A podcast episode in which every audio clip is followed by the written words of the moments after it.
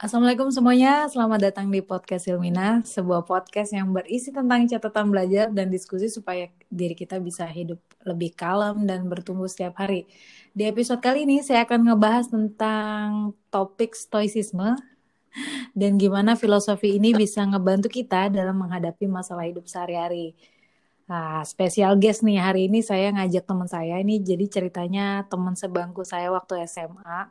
Kenapa saya ngajak dia? Karena suatu hari saya ngeliat dia kayak posting WA lupa kayak gimana ujung-ujungnya kita tuh pengen banget punya project bareng yang insya Allah pengennya sih biar bisa ngasih manfaat buat ke teman-teman semua. Namanya Marina Nareswari. Yeay. Halo. Silakan Anda memperkenalkan diri. Oke, halo um, pendengar podcast Ulfa. Lo nyebutnya pendengar ya? R Uh, ya, oke.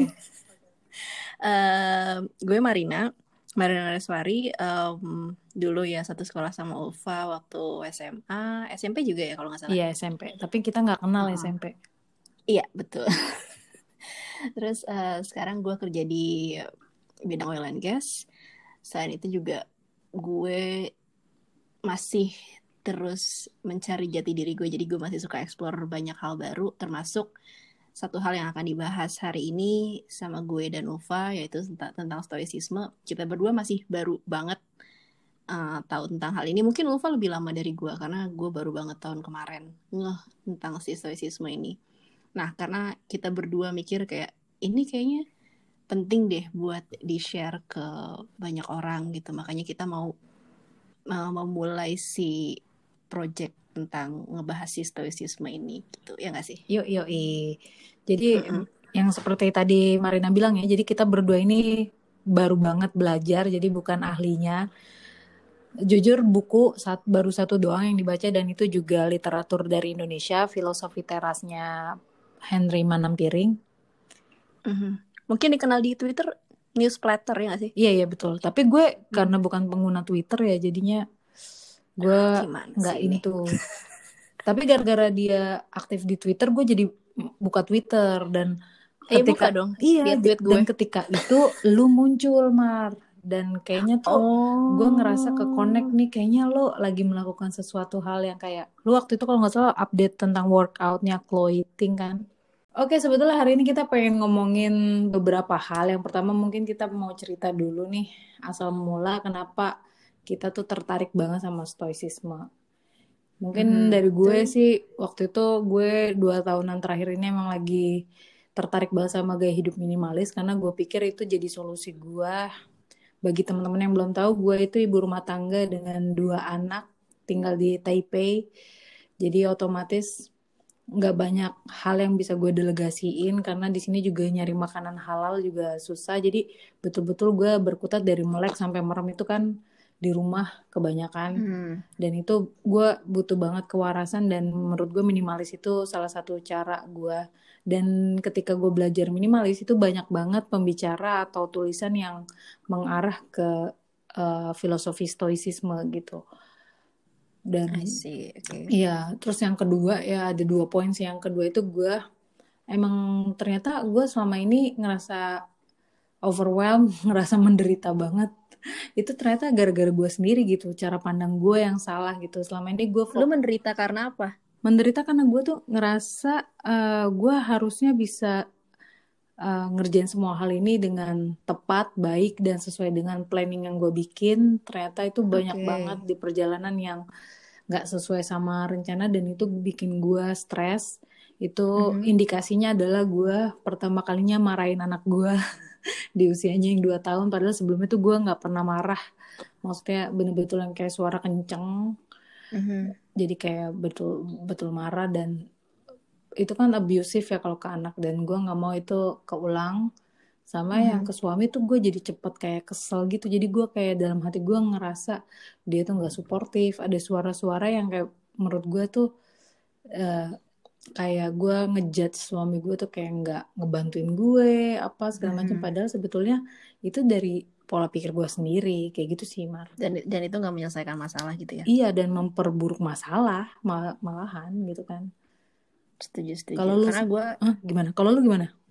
ya karena gue juga uh, walaupun gue belum berumah tangga maksudnya gue juga mengalami hal yang mirip lah dengan apa yang lo alami jadi kayak um, apa ya um, gue nggak tahu apakah ini dialami sama sebagian besar orang Indonesia atau enggak atau cuma di lingkungan gue aja. Tapi gue ngerasa um, gue tumbuh dengan terbiasa ngelihat orang tuh let's say ada orang baru di lingkungan gue atau um, ada orang yang udah gue kenal lama tapi gue tuh ngecap dia kayak ini orangnya begini-begini aja nih nggak nggak berubah kelakuannya. Jadi uh, ada kayak uh, precondition atau judgment yang yang gue secara otomatis kasih ke orang gitu ngerti gak? Iya iya. iya. Jadi jadi kayak um, misalkan nih misalkan dulu kalau kita baru kenalan terus lo misalkan anaknya gaul banget gitu hmm. gue mungkin aja pas ngeliat lu terus lu dengan gampangnya bergaul sama orang lain gue kayak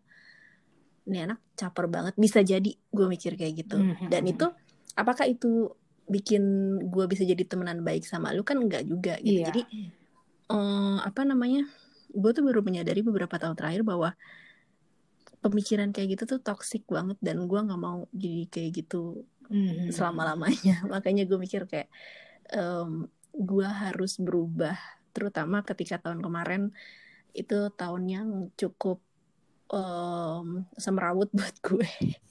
Jadi uh, di akhir tahun kemarin pas gue ngeliat ada satu postingan di sosial media gue lupa itu gue lihat di mana. Jadi itu ilustrasi seorang cewek gitu. Terus di atas kepalanya tuh ada bubble. Di dalam bubble-nya itu ada tulisan things I can control. Jadi kayak emosi gue judgment gue. Jadi ada ada listnya gitu. Ada hal-hal apa aja sih yang bisa gue kontrol terus di luar bubble itu ada tulisan things I cannot control. Kayak reaksi orang lain cuaca atau banyaklah hal yang justru lebih banyak hal yang nggak bisa kita kontrol di kehidupan kita kan dibanding hal yang bisa kita kontrol. Jadi ketika gue ngelihat itu kayak gue baru sadar bahwa gue selama ini tidak tidak menyadari secara jelas batasan hal-hal mana aja sih yang sebenarnya bisa gue dalam tanda kutip kontrol dan hal mana aja yang harus gue harus gue ikhlaskan harus gue terima bahwa itu nggak bisa gue kontrol gitu karena mm -hmm. karena nggak bisa dipungkiri gue gue selama ini berpikir bahwa banyak hal yang bisa gue kontrol padahal enggak dan itu bikin stres. Oh. Gitu. Jadi dari situ ketika gue ketika gue lihat gambar itu menarik gue posting di WhatsApp status terus salah satu salah satu teman gue komen dia cuma komen satu kata stoicism terus gue kayak ah lu ngomong apaan? Gitu. Terus dia bilang iya itu yang lu posting tuh stoicism. Terus gue kayak iya stoicism tuh apa? Gue nggak tahu gitu. Terus dia kasih linknya terus gue kayak oh ternyata ini ilmu filsafat salah satu cabang ilmu filsafat yang ya itu yang gimana caranya kayak yang tadi lo bilang supaya kita mengendalikan diri dan emosi kita supaya bisa hidup lebih tenang gitu intinya. Hmm. Iya, karena gue pikir apalagi di era yang menurut gue tuh bising banget sekarang kan ada media sosial yang yes. lu tuh dengan mudahnya bisa terperangkap itu udah kayak segitiga bermuda kalau mau kata gue. Jadi Gak keluar bisa, dong eh, iya endlessly scrolling lo kayak jadi kayak kehidupan lo kayak di situ gitu lo kayak jadi hmm, kayak betul. memperdulikan apa kata orang. Dan apalagi mungkin uh, kalau gue posting kayak gini nanti orang kayak gimana ya? Lo jadi nggak bisa betul-betul kayak jadi diri lo sendiri. Bahkan lo menganggap sosial media itu sesuatu hal yang lebih penting dari segalanya mungkin akhirnya. Ya kayak gitu gitu lah hmm? gimana? sebenarnya sih kalau kalau kalau buat gue mempedulikan mempedulikan pendapat orang nggak salah gitu. Tapi ketika mm -hmm. menjadikan itu acuan utama kita dalam melakukan segala sesuatu itu yang mulai toxic menurut gue iya yang bisa menghasilkan kayak anxiety cemas banget mm, berlebihan ketika lo posting lo lihat lagi ini yang gue yang like ada berapa kok orang itu kok, kok ada yang gue iya kayak padahal dia teman gue kenapa ya kok dia nggak jadi kayak atau enggak mungkin sebaliknya kita bisa gampang banget jadi orang toksik dengan ngelihat postingan orang dan compare ke hidup hmm. kita. Terus kayak ih ngapain sih posting-posting masa kayak gitu ya? Lah gue juga mm bisa kali. Terus mm mungkin teman kita lagi OTD ya lah dia kan duitnya banyak. Iyalah bisa posting kayak mm. gitu kalau gue juga kayak kayak gitu. Jadi kayak lu jadi kayak ya pokoknya nyinyir gitu. ya Jadi bu? lu- mm, mm, nyinyir. Meskipun lu diem ya kan tapi dalam hati lu tuh ternyata lu akhirnya berisik sendiri dan itu jadi mempengaruhi kehidupan lu oke oh ya sebetulnya tuh eh filosofi stoik ini kan kalau di bahasa Indonesia itu filosofi teras nah itu kan Mhm. ada itu ada latar belakangnya kenapa dinamain Mhm. itu kira-kira lo Mhm. lo coba deh ceritain ke teman-teman Oke, eh, dari berbagai sumber yang gue kumpulkan, C, kadang cuma beberapa aja. Jadi em, dari buku filosofi teras, dari em, website kayak Daily Stoic sama ancient.eu, em, gue akan cerita sedikit tentang sejarah si stoicisme ini. Jadi ini berawal di abad 3 sebelum Masehi di Athena Yunani seperti kebanyakan ilmu filsafat lainnya. Nah, eh, ini tuh dicetuskan oleh seorang filsuf bernama Zeno. Sebenarnya dia tadinya pedagang tapi kemudian terdampar di Athena.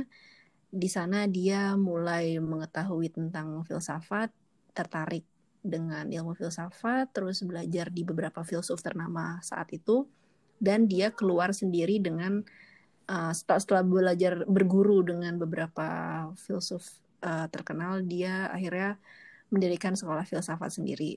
Nah, selama dia ngajar itu, dia selalu ngajar di teras bangunan-bangunan Yunani yang berpilar atau disebut stoa.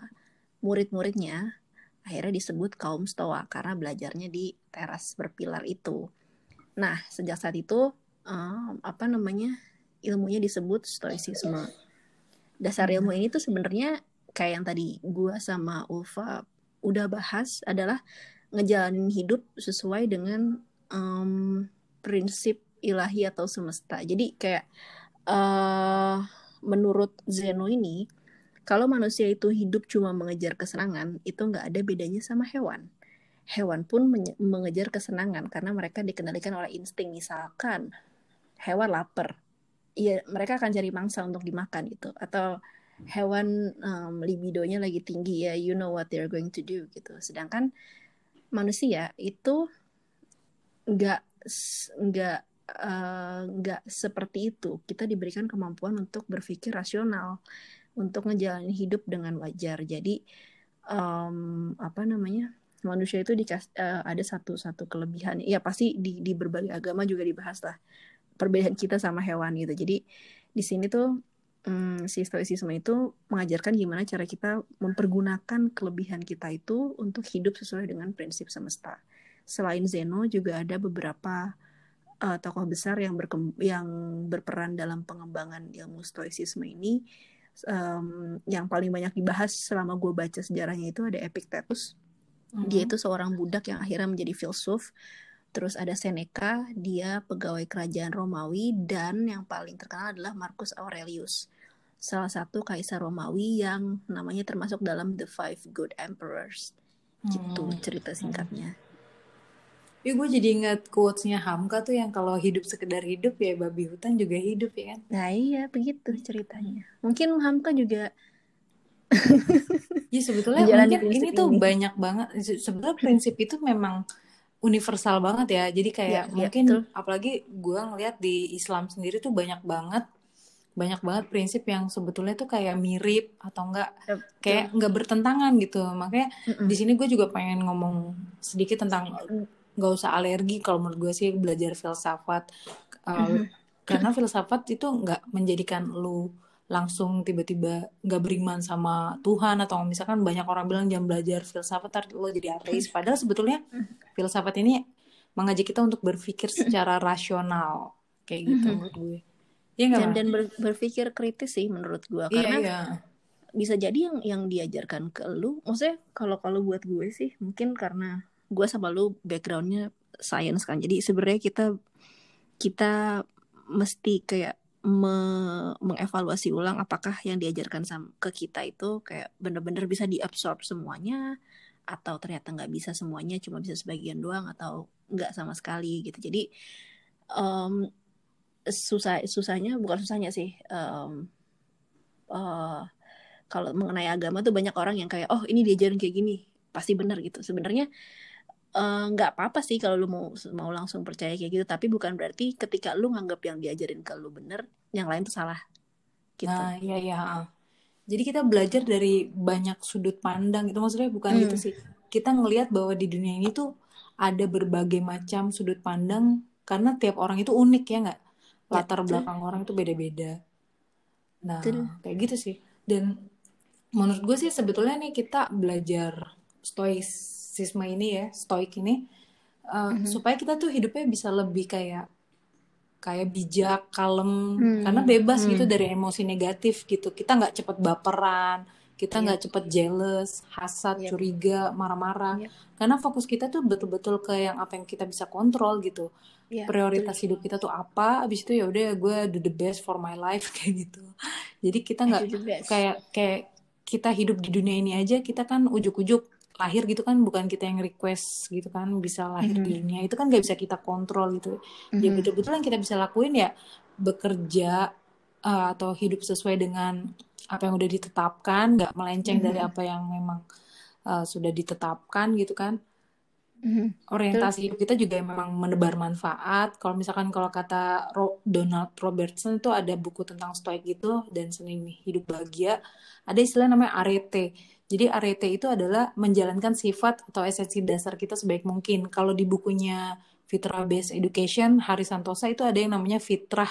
Jadi lu tuh hidup sesuai sama fitrah lu. Kalau misalkan ada kuda, ada hewan kuda nih dia kuat, larinya kencang, berarti dia tuh mm-hmm. udah hidup sesuai peruntukannya dia dia itu alat transportasi yang memang seperti itu gitu mm-hmm. kalau lu lu ngeliatnya gimana nih poin utama si stoik ini uh, poin utamanya yang tadi yang tadi um, gue sempat bahas juga yang gambar yang menurut gue itu menggambarkan uh, hal yang masih harus gue pelajari di hidup gue adalah mengenali hal-hal apa aja yang yang bisa gue dalam tanda kutip lagi kontrol atau hal yang hal mana aja yang memang ketika terjadi di hidup gue itu harus gue terima gitu. Dan dan gue harus belajar hidup dengan kenyataan itu gitu.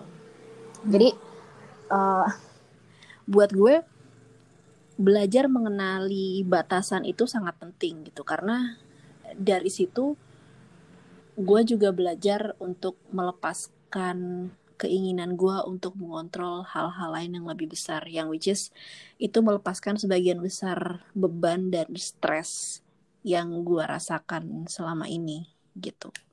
Itu sih yang yang buat gue yang buat gue paling penting gue abis dari purpose nih ya itu banyak banget dan di dua buku ini ada tema yang the power of letting go gitu ya jadi mm -hmm. kayak melepaskan apa yang emang benar-benar kayak membebani dan nggak bisa lo kontrol betul betul betul bahkan bahkan di di header Twitter gue ya hmm. gue tuh ganti um, I I no longer force things uh, whatever flows flows hmm.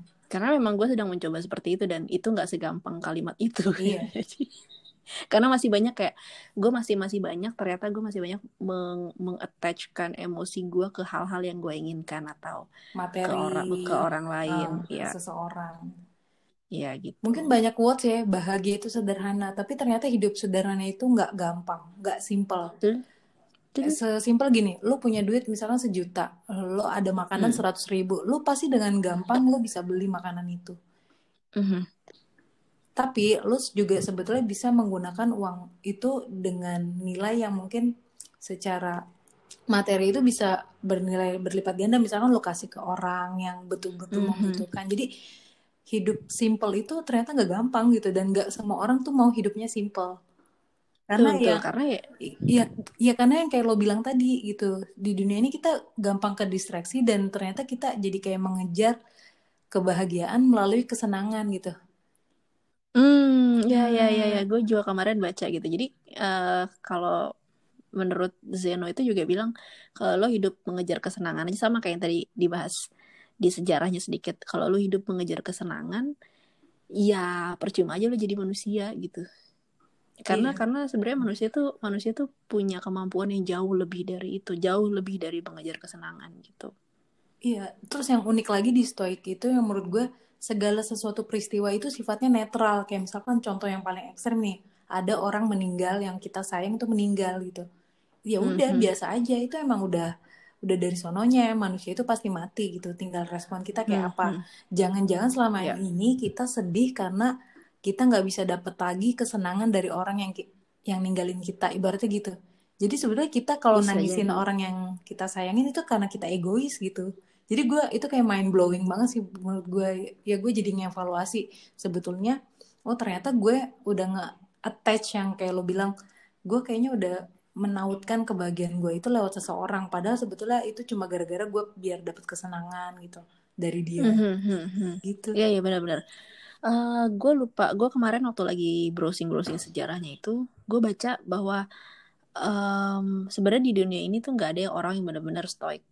Hmm. Which is gue setuju sih, karena ya sedikit atau banyak kita pasti me- me- menautkan kebahagiaan kita. Adalah yang ke faktor eksternal. Hmm. Walaupun kayak kalau buat gue se, se- se- setangguh apa pun lo mencoba, mungkin ada sebagian kecil yang masih yang masih apa Melekat. namanya melekat ke faktor eksternal yang ada di hidup kita. Tapi buat gue itu nggak nggak masalah sih maksud gue ya manusiawi juga gitu karena yang, yang penting kalau buat gue nih pribadi adalah gue mencoba untuk um, jadi orang yang lebih baik jadi orang yang lebih emotionally stable dan gue rasa siswa-siswa ini bisa membantu gitu nah itu kita harus praktek kan Mar berarti? Hmm ya ya ya bener bener bener. Betul. Jadi kalau kalau gue sih awalnya eh, dulu em, gue ketika ada hal yang gue nggak suka nih terjadi di hidup gue instead of gue bete atau gue kesel atau gue marah-marah biasanya gue kayak gitu. Langsung kayak gue langsung menunjukkan ketidaksukaan atau kekecewaan gue tapi gue take some time dulu gue diem dulu. Gue diem gak mikir apa-apa karena gue nggak bisa mikir kalau lagi emosi gitu Hmm. kan. Eh, gue diem dulu terus gue mikir ini kejadiannya apa? Apakah gue harus marah-marah? Atau apakah gue harus kesel? Apakah gue harus sedih ini terjadi? Jadi memang it takes some times tapi bisa bisa bisa dimulai dengan dengan sedikit eh, bukan dengan sedikit dengan dengan lebih aware ke kejadian sehari-hari yang kita alami gitu kalau lu dulu mulainya gimana Iya kalau gue ben ya kayak lo bilang gue cari waktu yang gue sendiri gue ambil kertas biasanya gue tulisin semua yang gue rasain ini yang sebenarnya Hmm. bikin gue berantakan tuh apa sih yang bikin gue Hmm. ngerasa gue kan ketika waktu itu gue ngerasa menderita itu gue kan kayak ngerasa fail jadi istri gue ngerasa fail Hmm. jadi ibu karena gue nggak bisa ngejalanin job desk gue dengan baik gue waktu itu ngerasanya karena berantakan gitu jadi kayak Mhm. mungkin masih rumah masih berantakan padahal gue pengennya hidup ideal rumah kayak di majalah gitu kan rapi sebelum tidur kalau bisa nggak usah ada cucian piring karena cucian piring ada di sink itu sampai pagi lu bangun tidur harus masak itu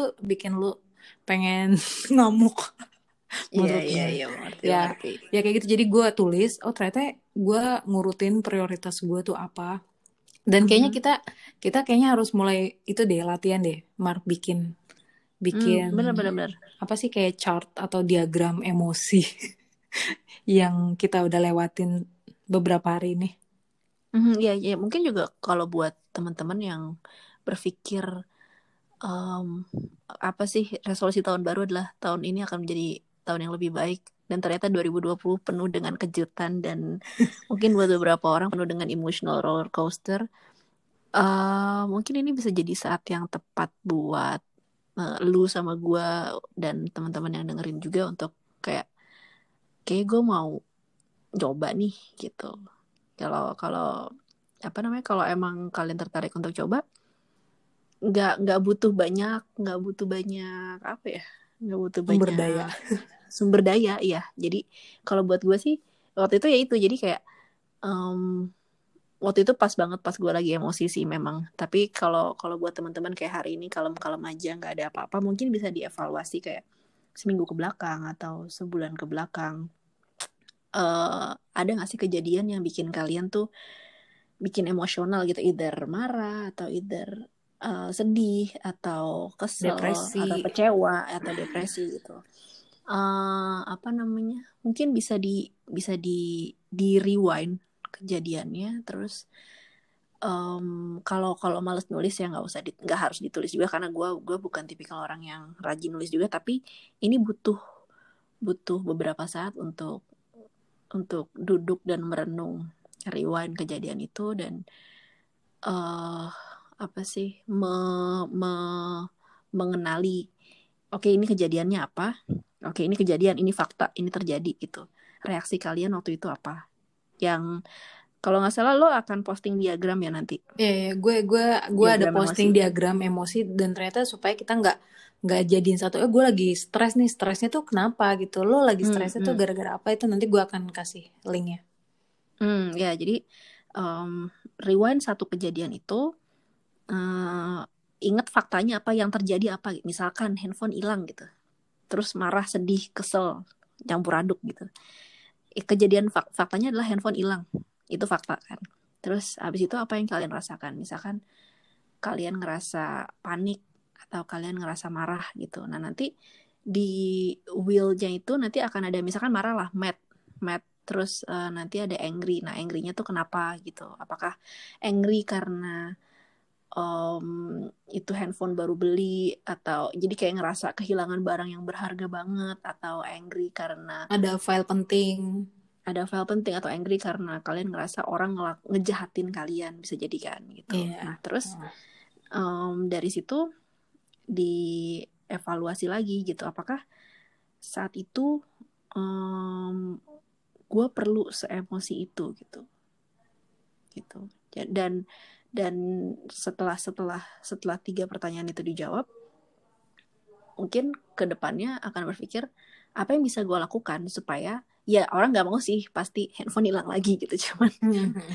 cuman uh, misalkan kejadian serupa terjadi apa yang bisa gue lakukan supaya gue nggak nggak seterpuruk itu lagi gitu.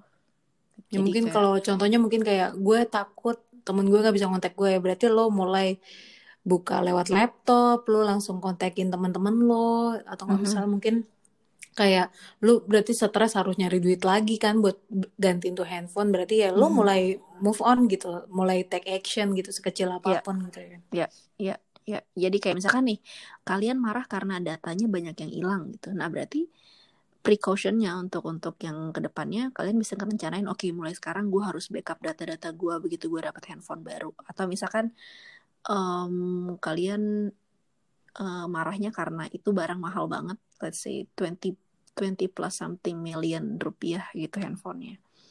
Ya ada banyak sih kalau itu either nggak beli handphone semahal itu lagi atau penyimpanannya lebih lebih baik atau apa. Jadi dipikirin cara-cara yang yang yang bisa bikin uh, kalian bisa lebih ngontrol uh, emosi ke depannya iya. gitu. Kayak sebetulnya ini banyak banget ya yang pengen kita explore ya Maria tentang si mm -hmm. stoik ini. Cuma mungkin mm -hmm. untuk episode pertama ini karena emang tujuannya juga cuma sebetulnya buat intro doang. Yeah. Ya. Uh, kita mungkin uh, cukup bahas sampai di sini dulu. Jadi gue mm -hmm. gua harap sih teman-teman bisa praktekin karena kita juga nggak sabar buat coba praktekin. Mm -hmm apakah nanti akan ada yang berubah dalam hidup kita kita nggak tahu yang penting ya balik lagi kita fokus ke apa yang kita bisa lakuin ya.